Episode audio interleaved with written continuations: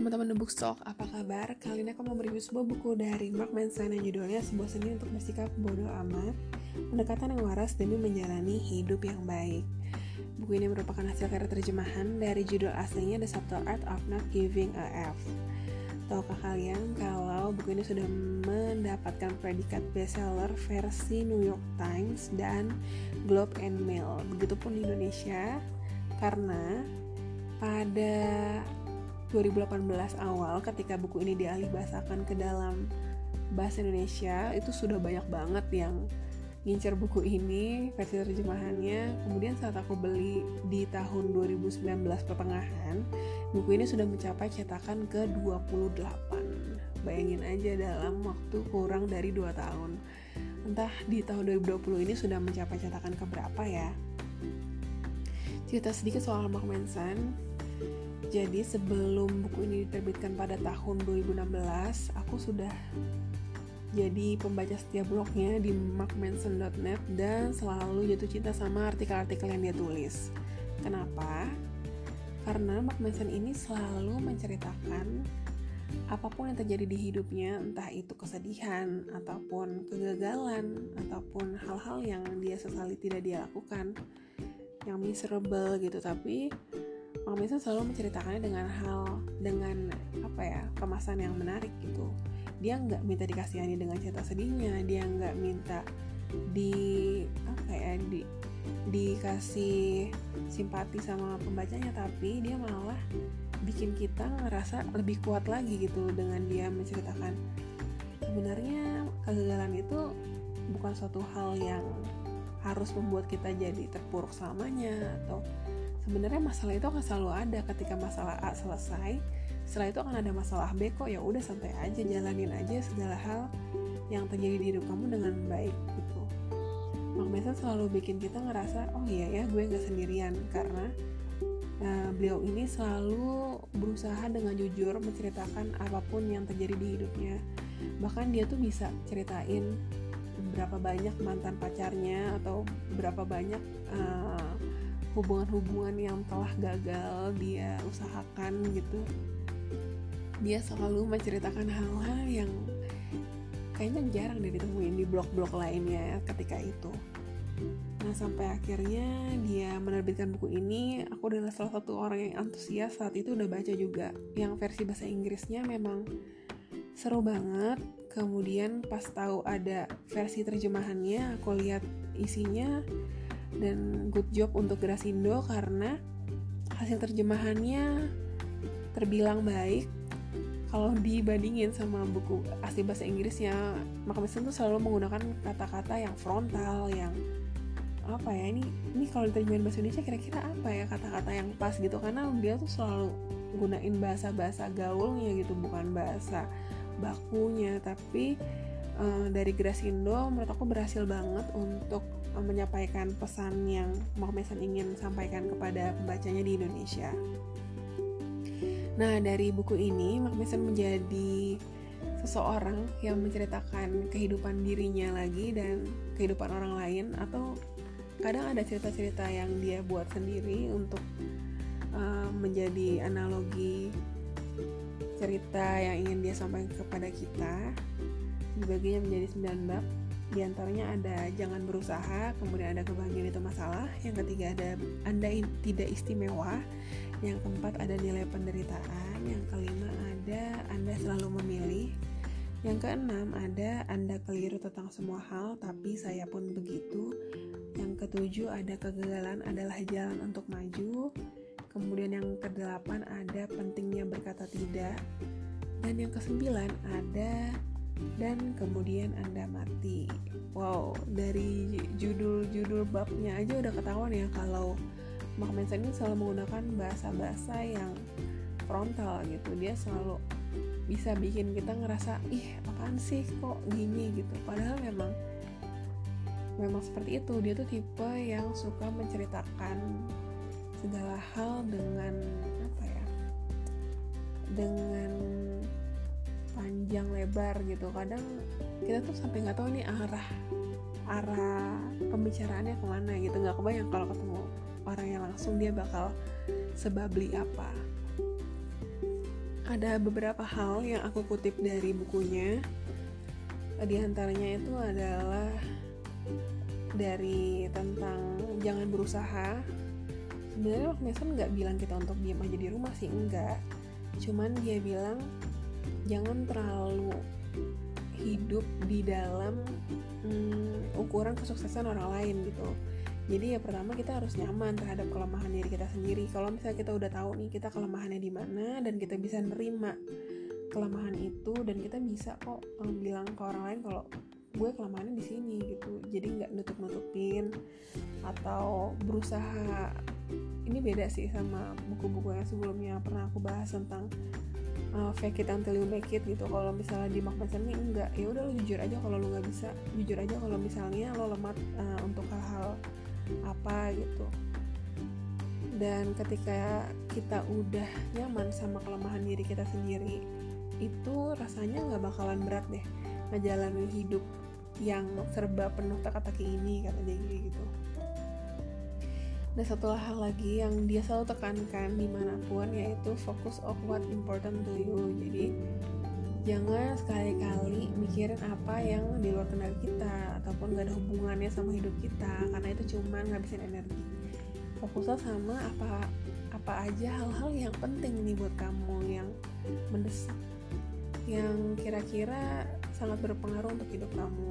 Jangan mikirin apa yang dimiliki orang lain atau jangan mikirin apa yang orang lain bicarakan tentang kita itu kayaknya nggak penting dan cuma ngabisin energi.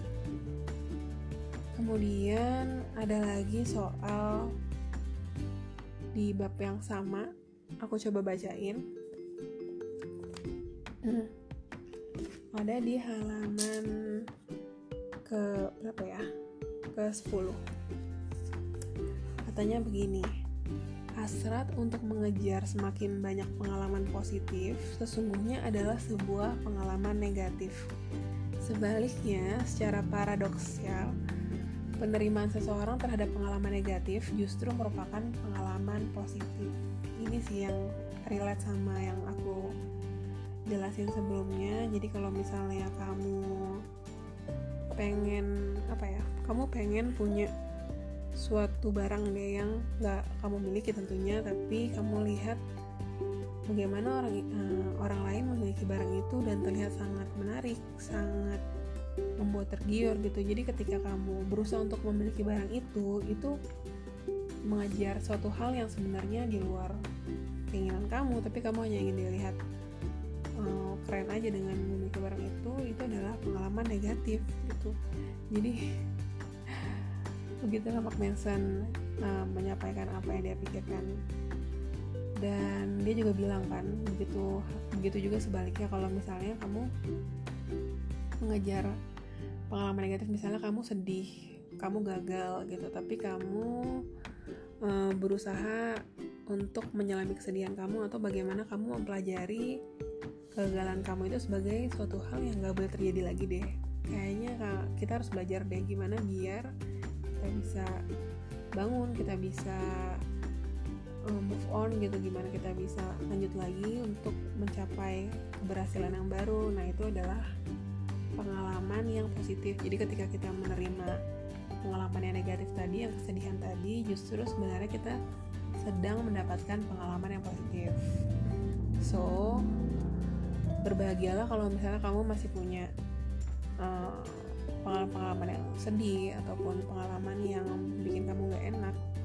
Karena sesungguhnya itu adalah pengalaman yang membuat kamu menjadi seseorang yang lebih baik gitu. Karena itu bisa jadi pengalaman positif yang bisa membuat kamu berbeda di beberapa tahun yang akan datang. Kemudian di bagian kebahagiaan itu masalah ini juga sebenarnya mirip-mirip sih pembahasannya antar bab ini. Di sini dibilangin secara biologis penderitaan itu bermanfaat karena setelah ada penderitaan pastinya akan ada perubahan yang menginspirasi. Jadi kalau kamu gagal tentunya kamu nggak mungkin dong mau jatuh terus. Yang ada kamu akan bangun dan berusaha untuk membuat perubahan. Dan itulah yang dimaksud oleh Mark Manson kemudian ada lagi soal misalnya kamu nggak puas nih terhadap hasil apa pun deh hasil ujian kamu misalnya atau hasil hmm, sesuatu yang kamu udah usahakan lama tiba-tiba kamu nggak puas sama hasilnya dan percaya pasti saat itu kamu akan ingin berjuang lagi untuk uh, gimana nih biar bisa bangun dan menaklukkan supaya dapat hasil yang lebih baik kan jadi sebenarnya semua hal negatif baik lagi semua hal negatif itu adalah pengalaman positif kalau bisa kamu bisa menerimanya. Di sini juga dibilang kalau penderitaan itu keistimewaan. Mason ini selalu bisa uh, bikin uh, ungkapan-ungkapan ataupun frasa-frasa yang sebenarnya iya juga ya. Kalau misalnya kita udah menyelami terlalu jauh buku ini pasti memang konsepnya yaitu harus menghargai kegagalan kita ketidakpuasan kita penyesalan kita. Walaupun Mark Manson ini suka mengumpat gitu suka ngata-ngatain dengan kata-kata yang frontal gitu tapi dia selalu menjalani hidupnya dengan cara yang berbeda. Jadi dibilang kalau misalnya bukan masalah kamu uh, berani berbeda gitu tapi ini adalah tentang gimana kamu menerima perbedaan kamu sama orang lain again Mark Manson bilang kalau misalnya masalah itu nggak pernah berhenti. Mereka itu datang silih berganti ataupun meningkat. Dan percayalah memecahkan masalah itu akan menjadi kebahagiaan gitu. Jadi jangan takut ketika menghadapi masalah. Tenang kamu gak sendirian karena setiap orang itu pasti punya masalah. Aku mau mengutip salah satu bab yang ada di buku ini di bab anda tidak istimewa di sini juga masih sama bahasannya tentang positif negatif itu katanya pengukuran yang benar tentang penghargaan diri seseorang bukan pada bagaimana seseorang merasakan pengalaman positifnya namun lebih pada bagaimana dia merasakan pengalaman negatifnya Seseorang seperti Jimmy bersembunyi dari permasalahannya dengan mengarang kesuksesannya sendiri di setiap kesempatan. Dan karena dia tidak bisa menghadapi masalahnya, entah sebaik apa dia menilai dirinya sendiri, ia menjadi lemah. Begitu katanya, jadi ya lebih baik kamu bisa nerima diri kamu apa adanya gitu. Kalau misalnya kamu gak jujur sama diri kamu sendiri, gimana dong? Siapa lagi yang bisa nerima diri kamu? dan sebenarnya banyak banget kutipan-kutipan penting yang ada dalam buku ini di setiap babnya tuh selalu ada kutipan menarik misalnya oh seperti yang aku udah bilang tadi soal fokus terhadap apa yang penting gitu learning how to focus and prioritize your task effectively based on finally on Personal value is perhaps the greatest and most important struggle in life. Kemudian ada lagi, when a person has no problems, the mind automatically finds a way to invent some. Jadi kayak nggak mungkin deh kalau orang hidup itu tanpa masalah sama sekali itu nggak mungkin.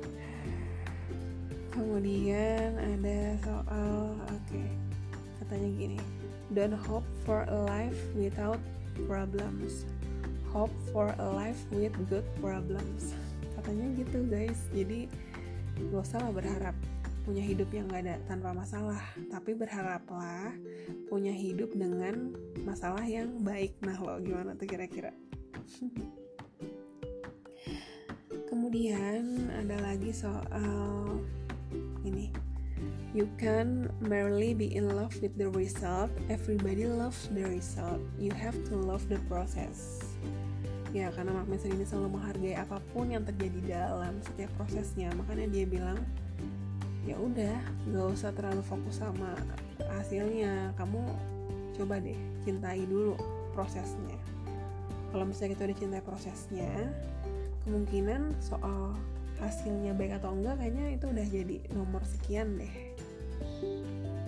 hmm, kemudian apalagi ya yang aku mau sih soal ini. The more uncomfortable the answer the more likely it is to be true.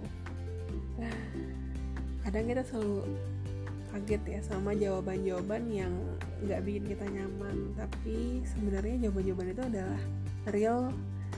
Jawaban itu adalah jawaban yang paling jujur gitu. Jadi ya udah coba deh belajar untuk nyaman belajar untuk menerima apa pun yang ada di hadapan kita sekarang. Kemudian ada lagi soal people who base their self-worth on being right about everything prevent themselves for learning from their mis mistakes. Ya ampun. Dia tuh selalu berusaha bilang kalau ya udah setiap kegagalan setiap masalah setiap kesalahan ya dipelajarin. Jangan bikin kamu ngerasa malah tambah down tapi jadikan itu sebagai suatu hal yang membuat kamu bisa yakin naik level gitu untuk jadi lebih baik. Sekian sih kayaknya uh, review kali ini. Intinya kalau kamu lagi pengen baca buku yang um, membuat hidup kamu lebih baik tapi bahasanya nggak yang sweet manis-manis gitu. Kamu lagi butuh bahasa yang agak penuh umpatan marah-marah. Kamu bisa deh baca buku sebuah sini untuk bersikap bodoh amat. Kayaknya bakal senang karena isinya sangat mengalir dan seperti yang tadi aku bilang Mak Mesan itu kalau cerita bisa panjang lebar kita nggak tahu arahnya ke mana tapi sangat bisa dinikmati. Maka itu jangan lupa untuk cari buku ini di toko buku ataupun di perpustakaan. Sampai ketemu di review selanjutnya. Dadah